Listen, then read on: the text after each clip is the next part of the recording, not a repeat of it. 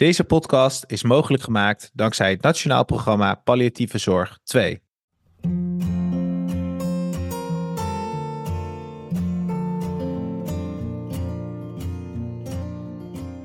Welkom bij de podcast van Carent. Dit seizoen gaan we tien mannen en vrouwen bespreken die ieder op hun eigen manier verbonden zijn met palliatieve zorg. We spreken jonge dokters, specialisten, maar ook patiënten en uitvaartverzorgers. Dus kom snel met me mee, dan gaan we beginnen. Mijn eerste spreker van vandaag behoeft nauwelijks een introductie. Het is niemand minder dan Sander de Hossom. Sander is auteur van de bestsellers Slotcouplet en Leven toevoegen aan de dagen. En, zo noem ik hem zelf, een palliatief influencer. Maar bovenal is Sander longarts in het Wilhelmina ziekenhuis van Assen. Vandaag gaan we horen hoe hij het slecht nieuwsgesprek brengt. Iets wat ik zelf heb mogen zien als co-assistent toen ik naast hem op de kruk zat. En vandaag gaan jullie mee op die kruk. Sander, welkom. Leuk dat je er bent. Net terug van je rondje hardlopen.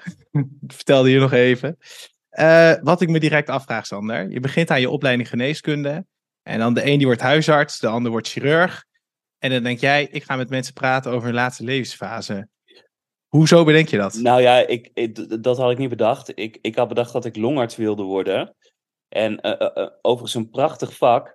maar bij longziekte speelt de dood altijd een rol. Heel veel patiënten met longkanker of ook met COPD of longfibrose, die gaan uiteindelijk dood aan hun ziekte. Dus de dood kwam erbij. En, um, dus ik had, ik had uiteraard niet gekozen om veel slecht nieuwsgesprekken te voeren, maar ik vond, ik vond longziekte een mooi vak. En hoe, hoe maak je dat jezelf eigen? Hoe leer je dat dan, die slecht nieuwsgesprekken? Nou ja, weet je, de eerste, keren, de eerste keren, de vele eerste keren zijn best wel ingewikkeld. Uh, iedereen gaat uiteindelijk een soort eigen, uh, ja, een, een, een, eigen manier vinden om dit, om dit goed te vertellen. En het is vaak gewoon, de eerste keren zit je er gewoon bij op de kruk. En op een gegeven moment zegt je supervisor van, nou nu mag jij het gesprek een keer voeren. En dat is onwijs spannend. En, en er wordt natuurlijk ook ingegrepen tijdens het gesprek. Dat is best wel gebruikelijk. Of dat je supervisor nog wat uh, toelicht of wat meer vertelt. En op een gegeven moment, als dat een beetje loopt, dan ga je, ja, dan ga je het echt zelf doen. En op een gegeven moment ook zelf alleen doen. En ik denk, heel, wow. ik denk dat het heel erg belangrijk is, is dat je je eigen vorm uh, kiest. Het is uh, een gesprek tussen, tussen dokter en, uh, of, of tussen zorgverlener en, en een patiënt op een buitengewoon intiem en heftig moment. En um, ja, ik, eh, weet je, je leert het. Je leert het in de praktijk. En je leert het ook een beetje met vallen en opstaan. Ja, want als ik dan, dan zo hoor, denk ik direct, wat is jouw vorm dan? Hè? Hoe, hoe bereid je je voor? Uh, meest, ik, ik bereid me gewoon voor door de casus goed te kennen. Door goed te weten wat er allemaal gevonden is. Vaak zijn het gesprekken die ook plaatsvinden nadat er een multidisciplinair overleg geweest is dus dat je met je collega's, dat het helemaal duidelijk is uh, welke, welke kant het op zal gaan. En ja, en dan bereid ik me eigenlijk in een paar seconden voor. Ik weet wat ik moet gaan zeggen. Ik weet ook hoe ik moet gaan zeggen. Ik, ik roep dan de patiënt binnen. Dat is altijd wel een spannend moment, want heel veel patiënten kijken al vanuit de wachtkamer van hey, hoe kijkt de dokter? Heel veel patiënten weten natuurlijk al dat er een boodschap gaat komen.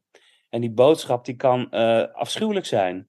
Dat is voor veel patiënten, het komt bijna nooit als een donderslag bij heldere hemel slecht nieuws. Dus je zegt eigenlijk dat patiënten het zelf ook al voelen dat het niet goed zit. Ja, ik, ik, ik weet dat patiënten vaak voelen dat, dat het niet goed zit. De patiënt voelt, denk ik, veel vaker, veel meer dan, dan wat wij zelf eigenlijk uh, verwachten. En uh, nogmaals, het komt bijna nooit als een donderslag bij helder hemel. Maar het is natuurlijk altijd wel heel heftig, het nieuws. Dat, dat, is, dat is iedere keer weer zo.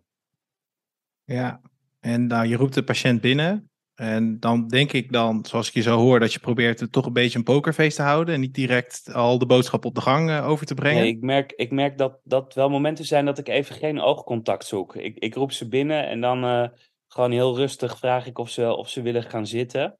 Bij slecht nieuws gesprekken mm -hmm. komen eigenlijk altijd familieleden mee. Dat is heel typerend aan, uh, aan slecht nieuwsgesprekken. Nogmaals, men voelt dat er uh, een serieuze boodschap gaat komen, een uitslag van een scan of een uitslag van een biopt. En ja, ik probeer vooral dan rust te creëren in de, in de spreekkamer. Hoe? les 1, regel 1, en het is echt heel vaak misgegaan bij mij, je telefoon uitzetten. Het is echt een van de grootste irritatiepunten van, van patiënten als ze terugkijken naar een slecht nieuwsgesprek. Dat op dat zo ontzettend belangrijke moment de dokter gestoord wordt door de telefoon. En er is eigenlijk geen enkele situatie. Ik, ik vind niet dat je acute dienst moet hebben als je een slecht nieuwsgesprek gaat voeren. Uiteraard gebeurt het wel eens op de spoedeisende hulp. Maar geef ook dan je telefoon even aan een collega of aan, uh, aan de secretaresse. Uh, en alleen in situaties op leven of dood mag je gestoord worden. Ik denk echt dat dat een van de meest uh, belangrijke basisregels is. Maar ook direct de regel die vaak overtreden wordt. Daar moeten we echt als zorgverleners ontzettend goed op letten. Ja, ja, herkenbaar wat je zegt. Hè. Soms gaat het toch nog fout. Ook al uh, probeer je het iedere keer zo goed te doen. Ja. Maar um, dan, dan zit de patiënt, telefoon weggestopt. En dan, hoe begin je? Sommigen zeggen dat je niet te lang moet wachten. Hè? Dat je direct het slechte nieuws moet geven. Nou ja, ik ben daar erg voorstander van. Uh, kijk, zachte heelmeesters maken stinkende wonden. En wij vinden het als, uh, als zorgverlener natuurlijk heel, heel verdrietig om iemand dit te vertellen. Iets waardoor de hele wereld gaat veranderen. Iets waardoor mensen horen dat ze uiteindelijk dood zullen gaan. Of, of, eh, of, of dat er gewoon een heel traject aan zit te komen met hele heftige behandelingen. Um, niet eromheen praten, de, de, de boodschap gewoon direct, helder en duidelijk. En dat kan echt in twee of drie zinnen uh, vertellen. Dit is de situatie. Zo staat het ervoor. U heeft een ziekte. En ik vertel ook altijd dat die ziekte uiteindelijk dodelijk zal gaan verlopen. Ja, dat herken ik nog wel toen ik naast je zat. Ik schrok daar ook best wel van. Ik was toen nog zo groen als gras en uh, net uit de schoolbanken. En jij gebruikte ook het woord kanker en dood heel duidelijk hè, naar de patiënten toe. Ja, ik vind echt dat je als zorgverlener mo moet leren om er niet omheen te breien. Uh, nogmaals, uh, wij hebben natuurlijk direct in ons hoofd van uh, alle behandelingen die er zijn. Hè. Wij willen als dokters en verpleegkundigen graag iets bieden aan onze patiënt. Hè, maar de boodschap is vaak zo heftig dat daar helemaal geen ruimte voor mensen is. Vaak worden mensen stil, maar ondertussen in hun hoofd is het echt vuurwerk op dat moment. Je, je, je loopt letterlijk, of je zit letterlijk in een live event van de hoogste orde. En uh, dat is denk ik altijd heel goed om je, om, je, om je echt heel goed te beseffen.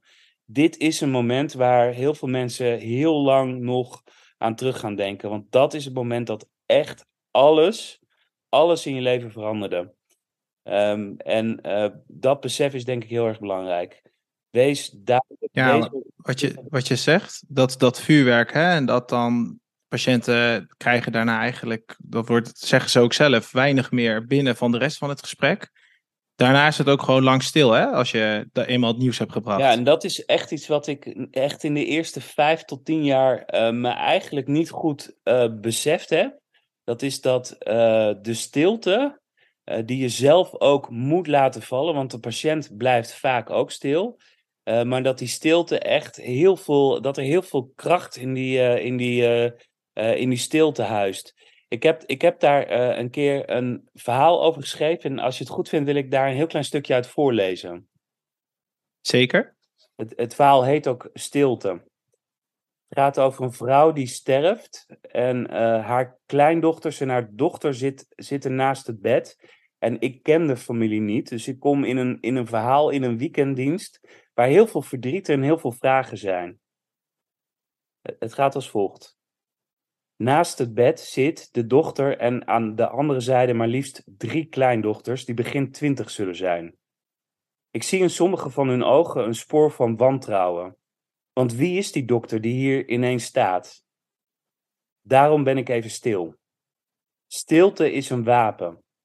Wie de waarde van stilte leert ontdekken is rijk, want stilte helpt ons verbinden als het moeilijk is. Stilte vertegenwoordigt echte aandacht voor elkaar. En stilte is ook veel krachtiger dan de woordenwaterval. Een mechanisme dat ik in mijn beginjaren als arts vaak gebruikte, vaak misbruikte, in een poging een brug te slaan. En pas later besefte ik pas echt hoe ineffectief dat was. En het bijzondere van stilte is dat hij soms wel minuten mag voortduren zonder dat hij echt onaangenaam wordt. Ik merkte ooit ongemak, maar dat lag meer aan mijn eigen onzekerheid en onvermogen. En ik zou elke zorgverlener willen adviseren de stilte vaak in te zetten na het brengen van moeilijke boodschappen, van slecht nieuws, en dan echt te wachten met praten totdat de ander reageert. Want die reactie, die eerste reactie na vaak die stilte, raakt altijd de essentie. Ja, ik durf nu geen stilte meer te laten vallen natuurlijk, hè Sander? Nee, ook, wel, maar goed. Ja. hey, wauw. Mooi, mooi stuk. Um, wat komt er dan na zo'n stilte? Nou, ik, ik merk heel vaak dat dan echt de essentiële vragen komen. He, want, Zoals? Nou ja, je hebt, je hebt natuurlijk in je hoofd heel erg van... Uh, um, en, en dat had ik in het begin. En daarom ging ik ook best wel vaak op mijn bek met, met dit soort gesprekken. Uh, je hebt een soort uh, plan. Van ik wil het over, hè, bijvoorbeeld bij longkanker, ik wil het over die chemotherapie hebben of immunotherapie. En um, kijk, um, als je stil bent. En, en, en, en, en de patiënt is ook stil. En die, die eerste vraag, daar lees ik heel erg veel vanaf. Ook eigenlijk wat patiënten heel belangrijk vinden. En, en vaak is dat een vraag over de prognose. Dat is natuurlijk iets waar mensen heel vaak op dat moment heel erg mee bezig zijn. Dokter, ik heb verteld, u heeft verteld dat ik doodga. Um, uh, hoe lang heb ik dan nog? En, en, dat is vaak wel een hele essentiële vraag. Het gaat vaak over de tijd die mensen nog hebben. En gelukkig lukt het ook best wel vaak om het ook al in dat eerste gesprek over kwaliteit te hebben. Uh, want ik vind dat als zorgverlener eigenlijk net zo belangrijk als de tijd die mensen nog hebben. Ja, de meeste zorgverleners vinden het best spannend hè, om een uh, datum te noemen. Ik vind dat ook heel spannend, want elke datum die ik vertel zal nooit kloppen. Dus ik zal altijd met mijn, um, ja, met, met mijn um, uh, ja, wat, wat ik inschat, zal ik, altijd, zal ik er altijd naast zitten. Vroeger hadden we altijd bij longkanker, mediane overleving is negen maanden. Maar er zit niet een meneer mediaan tegenover mij, maar meneer De Vries of meneer Jansen. En die zal nooit aan die mediaan voldoen.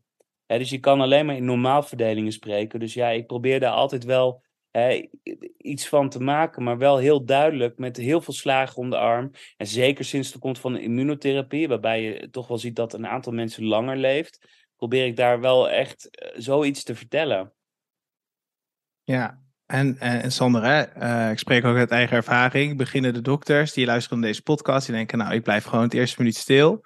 En dan binnen 10 seconden begint die partner de, direct te tetteren met vier, vijf vragen. En je ziet dat die patiënt nog helemaal in stilte zit. Wat doe je dan? Nou, dan mag je best zeggen van, hé, hey, ik wil heel graag even ruimte bieden aan, uh, aan de patiënt zelf. Dat mag je ook tegen de partner zeggen. Doe partners absoluut nooit tekort. Maar probeer echt gewoon even in te tunen op hoe de patiënt het ervaart. En, en dan vraag je gewoon van, goh, mag ik daar later op terugkomen? Hè, ik ben heel erg benieuwd naar uw eerste reactie bijvoorbeeld. Of vraag je zoiets? Mooi, ja, ja. En hou je het daar, ga je, ga je, want je begint nu over chemotherapie, immuuntherapie. Doe je dat al direct bij het eerste slechte nieuws? Uh, of laat je dat voor wat het is? Ik, ik, ik zeg daar kort vaak wel iets over. Um, um, maar ik ga niet helemaal vertellen hoe die behandelingen eruit zien. Ik zeg gewoon van, hé, hey, we gaan we gaan een traject in met mogelijkheden. Een mogelijkheid altijd is bij uitgezaaide ziekte om iets niet te doen, hè, om, om geen therapie te starten en te kiezen voor best supportive care. Mensen zijn nooit uitbehandeld, er zijn altijd palliatieve behandelingen mogelijk. Eh, goede ondersteuning op alle domeinen van de palliatieve zorg. En, en een onderdeel van de behandeling is uiteraard ook uh, om, de, om de tumor kleiner te maken met chemotherapie en immunotherapie. En voor mij is ook daar het uitgangspunt echt kwaliteit van leven. Dus echt het verminderen van symptomen van de kanker zelf. Ja, want in je boek noem je ook iets over de rode knop, hè? Die ook rond deze gesprekken plaatsvindt. Ja. Kan je er iets over zeggen? Ja, er zijn meestal wel. Ik, meestal doe ik dit soort trajecten wel in één of twee gesprekken. je ziet vaak de patiënt wat vaker. Uh, omdat er natuurlijk ook al wel uh, eerder al diagnostiek is geweest. En er moest een scan gebeuren. En. Uh, en als we echt gaan praten met elkaar, en nogmaals, dat is vaak in een tweede gesprek, het slecht nieuwsgesprek en daarna nog een tweede gesprek, dan vertel ik altijd over de rode knop. En dat is een knop die op mijn tafel, een denkbeeldige knop die op mijn tafel zit. En waar iedereen op mag drukken, althans de patiënt en ook ik als, als dokter, in het traject dat voor ons ligt. En als ik denk van hey, de, de performance score wordt steeds minder. Hè, mensen worden steeds meer bedgebonden. Ehm, dan kan ik op die knop drukken. Dat vertel ik dus ook. Hè, en dat ga ik ook doen als, als ik vind dat de kwaliteit van leven echt in het geding is. Maar de patiënt mag er ook op drukken. En als je op die knop drukt, dan kunnen we ervoor kiezen om gewoon die chemotherapieën te stoppen. En dat is, vind ik, altijd een belangrijke uh, mogelijkheid. Dus, uh, eigenlijk geef je de patiënt weer zelf regie, hè? Ja, Daarmee. eigenlijk wel. Eigenlijk wel. Ik denk, ik denk dat die rode knop eigenlijk op elke tafel van, van dokters in Nederland moet staan. Precies. En uh, is iedere patiënt, ja, dat eigenlijk weet ik het antwoord ook wel, is, zijn patiënten ook nog verschillend onderling? Zijn er patiënten waar je nou speciaal andere benadering kiest, uh, bijvoorbeeld? Nou, je, kan, je kan de reactie nooit echt inschatten. Er is eigenlijk altijd veel verdriet. Hè? Het is wat ik al eerder al zei, het is echt een live event van de hoogste orde. Uh, er is veel verdriet. Um, en ja, je ziet wel dat mensen het op een verschillende manier incasseren. Ik heb ook wel eens laatst nog, ik had een man van, uh, van in de tachtig, die hoorde het aan en zei, oh wat fijn. Dan ga ik eindelijk dood, zei hij. Want mijn leven is een, Zo. Ja, mijn leven is een kwelling geworden. Voor hem was het een, uh, ook, ook een moment van, uh, van herwaardering van zijn leven. En hij zei, het is ook goed geweest. En dat soort situaties maak ik ook wel eens mee. Um, dus ja, je, je ziet hele wisselende reacties. en geen patiënt is hetzelfde. Wauw, hoe heb je gereageerd toen? Ik heb gezegd, nou, dan gaan we zorgen dat als je pijn hebt, en dan moet je natuurlijk afstemmen met de huisarts, maar als er pijn gaat komen in het traject dat voor je ligt, dan gaan we zorgen dat die pijn goed bestreden wordt. Hè, bijvoorbeeld, we kunnen nog wel een keer uh, bestralen, een pijnlijke botuitzeiling bestralen. Of, uh, hè, maar er zijn goede pijnstillers. En, en ik heb echt met hem een gesprek gehad over zijn laatste levensfase. Hè, van hoe, hoe ziet dat er dan uit? En ik heb zijn angsten kreeg ik vrij makkelijk op tafel. Hij zei, ik wil niet stikken. Dat zeggen veel van mijn patiënten uiteindelijk. En daar hebben we het over gehad. Ik heb verteld dat dat echt niet gaat gebeuren. En mensen die, die sterven, die stikken niet.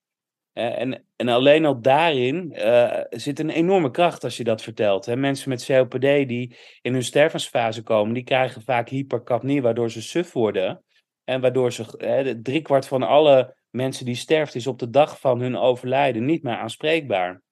Maar als je dat vertelt, als je dat gewoon echt gewoon open en eerlijk vertelt, kan je enorm, kan je enorm veel uh, goed doen daarmee. Want mensen kunnen daar rustiger van worden. Ja, dit is precies de essentie hè, van de palliatieve zorg. Ja.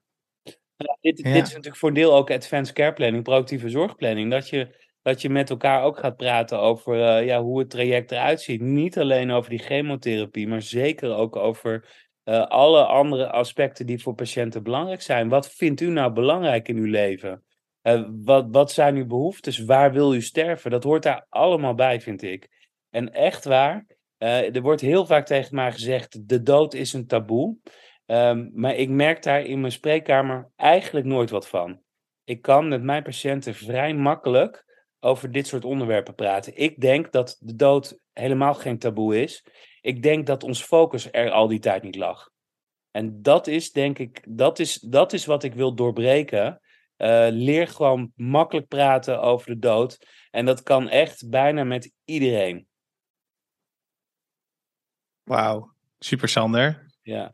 Dat was hem dan alweer voor deze week. Nou, ik wil gaan ja, afronden. Nick, wil je nog wat zeggen aan ons luisteraars? Ik wil, nog, ik wil nog één ding zeggen. Er is, er is één groep patiënten die uh, toch anders reageert.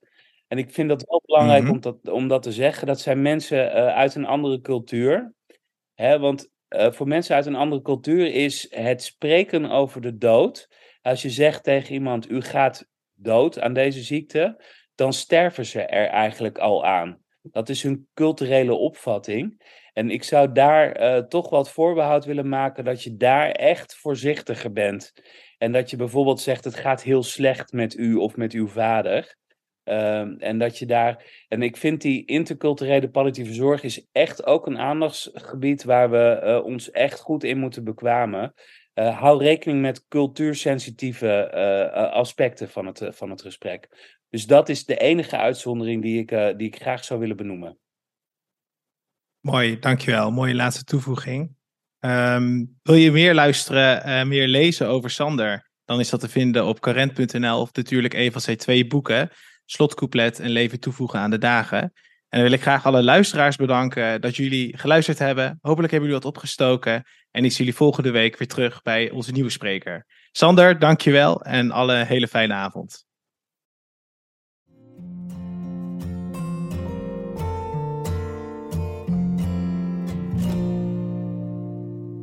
Bedankt voor het luisteren van deze aflevering. Ben je geïnteresseerd? Volg ons op onze sociale media of ga naar current.nl voor meer informatie.